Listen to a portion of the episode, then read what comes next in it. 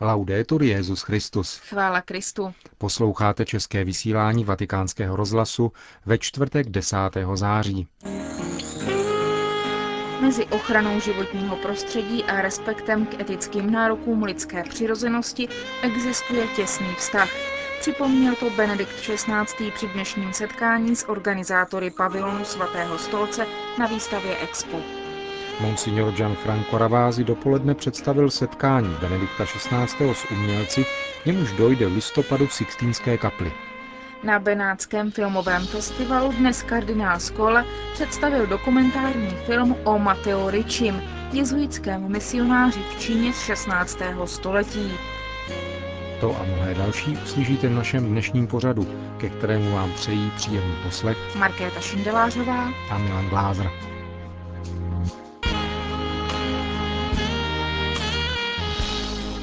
Zprávy vatikánského rozhlasu.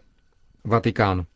Mezi ochranou životního prostředí a respektem k etickým nárokům lidské přirozenosti existuje těsný vztah. Připomněl to dnes dopoledne Benedikt XVI. při setkání s organizátory pavilonu svatého stolce na výstavě Expo, která se konala loni ve španělské Zaragoze. Papež pavilon svatého stolce, jeden z nejnavštěvovanějších na celém Expo, vřele ocenil. Pavilon nabídl reflexi významu o základní hodnotě vody pro lidský život. Svou účastí chtěla katolická církev nejen zdůraznit naléhavou nutnost vždy chránit vodu, ale také odhalit její nejhlubší duchovní a náboženský rozměr. Dnes více než kdy jindy, zdůraznil papež, je nutné lidem pomoci, aby se naučili pohlížet na stvoření jako na něco víc než jen pouhý zdroj bohatství, něco, z čeho lze lidskýma rukama vytěžit. Ve skutečnosti dodal, když Bůh svěřil člověku zemi, očekává, že bude tenhle velký dar umět užívat, že ho bude vést k tomu, aby přinášel plody zodpovědným způsobem. Když lidská bytost, připomněl Benedikt XVI., odhaluje vnitřní hodnotu stvoření, učí se ho vidět takové, jaké ve skutečnosti je, tedy jako vyjádření plánu lásky a pravdy, který k nám mluví o stvořiteli a jeho lásce k lidstvu a který nalezne na konci časů své naplnění v Kristu, v tomto smyslu, uzavřel svou úvahu svatý otec, je třeba připomenout ještě jednou těsný vztah, který existuje mezi ochranou životního prostředí a respektem k etickým zákonům lidské přirozenosti, protože pokud je ve společnosti respektována humánní ekologie, má z toho užitek také ekologie životního prostředí. Vatikán. 21. listopadu se bude v Sixtinské kapli konat setkání Benedikta XVI. s malíři, sochaři, architekty, představiteli světa divadla a filmu z celého světa. Dnes dopoledne přiblížil tuhle událost v tiskovém středisku svatého stolce monsignor Gianfranco Ravázi, předseda Papežské rady pro kulturu, profesor Antonio Paulucci, ředitel vatikánských muzeí a monsignor Pasquale Jacobone z oddělení umění a víra při Papežské radě pro kulturu. Víra a umění jsou neodmyslitelně propojeny. Jedním z důležitých novodobých okamžiků jejich vztahů bylo v roce 1964 setkání umělců s Pavlem VI. Ten je povzbudil, aby prohloubili chápání víry jako toho, co umění inspiruje. Podobnou výzvu vznesl i Jan Pavel II. Umění, vysvětluje monsignor Gianfranco Ravázi, se věnuje experimentování s vyjádřením a opustilo koncept, podle kterého umělecké dílo v sobě obsahuje transcendentní vizi bytí. Umění se vyvíjí směrem ke stále sofistikovanějším experimentům, až do té míry, že jsou nesrozumitelné. Často má účel samo v sobě, ano, občas směřuje k provokacím, ale především položilo velký náboženský kodex na zaprášenou polici. Vědom si této distance mezi uměním a vírou rozhodl se Benedikt XVI. zintenzivnit dialog v naději na plodné spojení. Papež, uvedl monsignor Ravázy, nabídl toto setkání s umělci, aby se znovu navázala prospěšná spolupráce mezi uměním a církví. Papež dá, tak říkajíc, první ránu, otevře diskuzi. Jak odpoví umělci? Měli by začít odpovídat svými díly. Ty pak chceme podpořit, aby měla uvnitř jejich národních komunit přijetí a ohlas.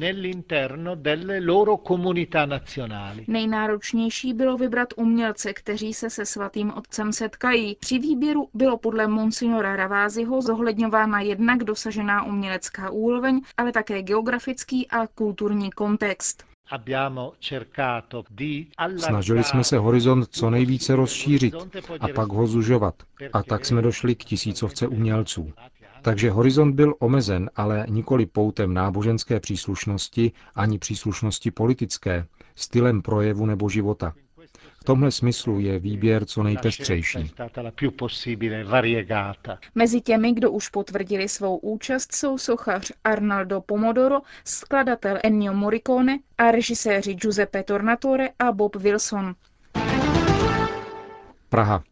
V rámci své apoštolské cesty do České republiky bude Benedikt XVI. slavit nešpory společně s kněžími, řeholníky, řeholnicemi a jáhny a členy církevních hnutí. Toto setkání proběhne v katedrále svatého Víta Václava a Vojtěcha v sobotu 26. září v 6 hodin večer. Chorální zpěv denní modlitby církve zajistí katedrální sbor od svatého Víta. Virtuální chorální schóla působí při Pražské katedrále už více než 15 let. Virtuální se nazývá proto, že nemá stálé členy a neskouší pravidelně. Poslední neděli v měsíci a na boží hody se ale ke společné modlitbě Nešpor sjíždějí choralisté z Prahy i širokého okolí. Společně s pražskými světícími biskupy a ostatními otci kanovníky tak zakoušejí společenství modlitby zpěvem, které je čas od času doplněno i nějakým tím agapé. Informace a notové materiály si předávají po internetu a na každé nešpory přijíždí ten, kdo má zrovna ve své farnosti kůrové volno. Novinkou, kterou papežské nešpory iniciovali, je i otevírání virtuálního prostoru schóly široké veřejnosti, zejména pak řeholníkům, kněžím a těm lajkům, kteří se slavení nešpor účastní a přece jen nejsou v chorálním zpěvu tak zkušení, aby zaspívali z listu z připravených not. Na stránkách Združení pro duchovní hudbu naleznou zájemci noty i demonahrávku ve formátu MP3, kterou připravil Jiří Hodina, který nácvik a schólu v presbytáři katedrály hudebně povede. Pro všechny pak mohou webové stránky být pozvánkou k dalším pravidelným akcím Pražské chorální katedrální virtuální schóly. Saudská Arábie. V Saudské Arábii, kde žije 8,8 milionů cizinců, je 900 tisíc katolíků. Z nichž mnozí jsou z Filipín. V zemi neexistuje náboženská svoboda a platí zákaz veřejného nošení náboženských symbolů, například křížků, jakož i veřejné či soukromé modlitby. Ti, kdo nevyznávají islám, se musí přizpůsobit pravidlům a zvyklostem islámu, jako například ramadán. Situace se ještě více komplikuje pro cizinky, které pracují zejména jako uklízečky v nemocnicích a jsou během svého volného času odsouzeny žít téměř v izolaci svých nocleháren a pracují 6 dní v týdnu 12 hodin denně. Curych. Švýcarská biskupská konference odmítla petici za zavedení zákazu stavby minaretů ve Švýcarsku prohlášení, které bylo dnes zveřejněno, tvrdí, že se jedná o politickou otázku, která se dotýká náboženství a náboženských práv a dodává, že minarety, stejně jako zvonice, jsou znamením veřejné přítomnosti náboženství. Sbírka podpisů pod zmíněnou petici byla zahájena 1. května 2007 a požadovala zavést do článku 72 švýcarské federální ústavy větu, že výstavba minaretů se zakazuje. Švýcarští biskupové v prohlášení píší, jsme si vědomi, že práva týkající se náboženské svobody nejsou respektována v některých muslimských zemích a zejména křesťané trpí restrikcemi náboženské praxe a omezeními, pokud jde o stavbu kostelů. Vyjadřujeme svou solidaritu pro následovaným křesťanům. Tiskové prohlášení pak v souvislosti se situací ve Švýcarsku pokračuje. Jako biskupové a švýcarští občané se těšíme z toho, že švýcarská ústava již neobsahuje články o výjimkách a byli bychom rádi, kdyby žádné nové nebyly zaváděny. Všeobecný zákaz výstavby minaretů by oslabil snahy, které směřují k nastolení postoje vzájemného přijetí v dialogu a respektu. Strach je i v této souvislosti špatným rádcem. Výstavba a užívání minaretů jsou kromě toho podrobeny všeobecným normám, které platí pro všechny stavby.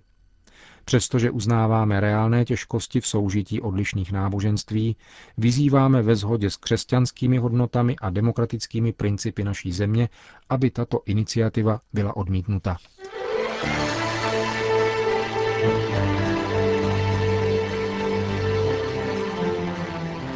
Benátský patriarcha kardinál Angelo Scola vystoupil dnes na filmovém festivalu v Benátkách u příležitosti uvedení filmu Matteo Ricci Jezuita v království draka. U příležitosti blížícího se čtyřstého výročí úmrtí tohoto křesťanského misionáře v Číně natočil albánský režisér Gion Kondrekaj film, který přibližuje nejvýznamnějšího novověkého apoštola křesťanství a tvůrce aktuálního modelu evangelizace italského jezuitu Matea Ricciho, kterého Benedikt XVI. označil za poslušného služebníka církve a neochvějného a inteligentního hlasatele Kristova evangelia, který podobně jako otcové církve při setkávání evangelia s řecko-římskou kulturou dovedl svou prozíravou prací účinně zavést křesťanství do čínské kultury. Kardinál Skola pro vatikánský rozhlas odpovídá na otázku, zda Mateo Ricci jako muž církve a Benátky jako město dialogu mají něco společného. Řekl bych, že ano. Povolání pojící se k mimořádné postavě tohoto významného jezuity a k jeho zapálenému hledání způsobu, jak zasadit evangelium do čínské kultury. Tento způsob měl velmi přesnou metodu. Mohli bychom ji nazvat metodou přátelství, sdílení, která určitě vyplývala ze silné otázky proč a tudíž ze zkušenosti, jež se k ní pojí. Plyne z následování Krista v úplnosti – Člověk, který následuje Krista, je podněcován ve své svobodě podle energií, schopností a darů, aby dosáhnul těch nejpozoruhodnějších výkonů, jako to dokazuje právě Mateo Ricci. To, co na mě však učinilo největší dojem, je právě přátelství jako metoda inkulturace, abych tak řekl. Inkulturace tedy není nějaká strategie, ale začíná od sdílení, Vychází z přesvědčení, že všichni lidé i přes své nejradikálnější rozdíly mají společnou elementární zkušenost, tu, kterou antika nazývala humanitas. Mají tedy jednotící pohled na rozhodující otázky života, které se potom zabarvují podle různých kultur a náboženství. Ricci pokládal tento jednotící pohled za praktickou hodnotu soužití. Tento pohled je tedy určitá zkušenost a nikoli teorie. Nesnaží se hledat společnou teorii, ale pohybuje se právě v tomto přesvědčení. Řekl benátský patriarcha Angelo Scola. Matteo Ricci je původem z italské Maceraty a byl prvním misionářem, který zahájil evangelizační dialog s Čínou a s Dálným východem. Nedorozumění dnes často brání naslouchat univerzálnímu poselství Evangelia. V 16. století měla prozřetelnostní misionářská metoda od Ceričeho velký úspěch. O tajemství tohoto úspěchu mluví pro vatikánský rozhlas biskup Macerati, monsignor Claudio Giuliodori. Ci insegna innanzitutto l'umiltà che è necessaria per chiunque si voglia mettere in dialogo. Otec Mateo nás učí především pokoře, která je nutná pro každého, kdo chce vést dialog. Byl pokorný především v tom, jak si osvojil čínskou kulturu, počínaje nesnadným jazykem.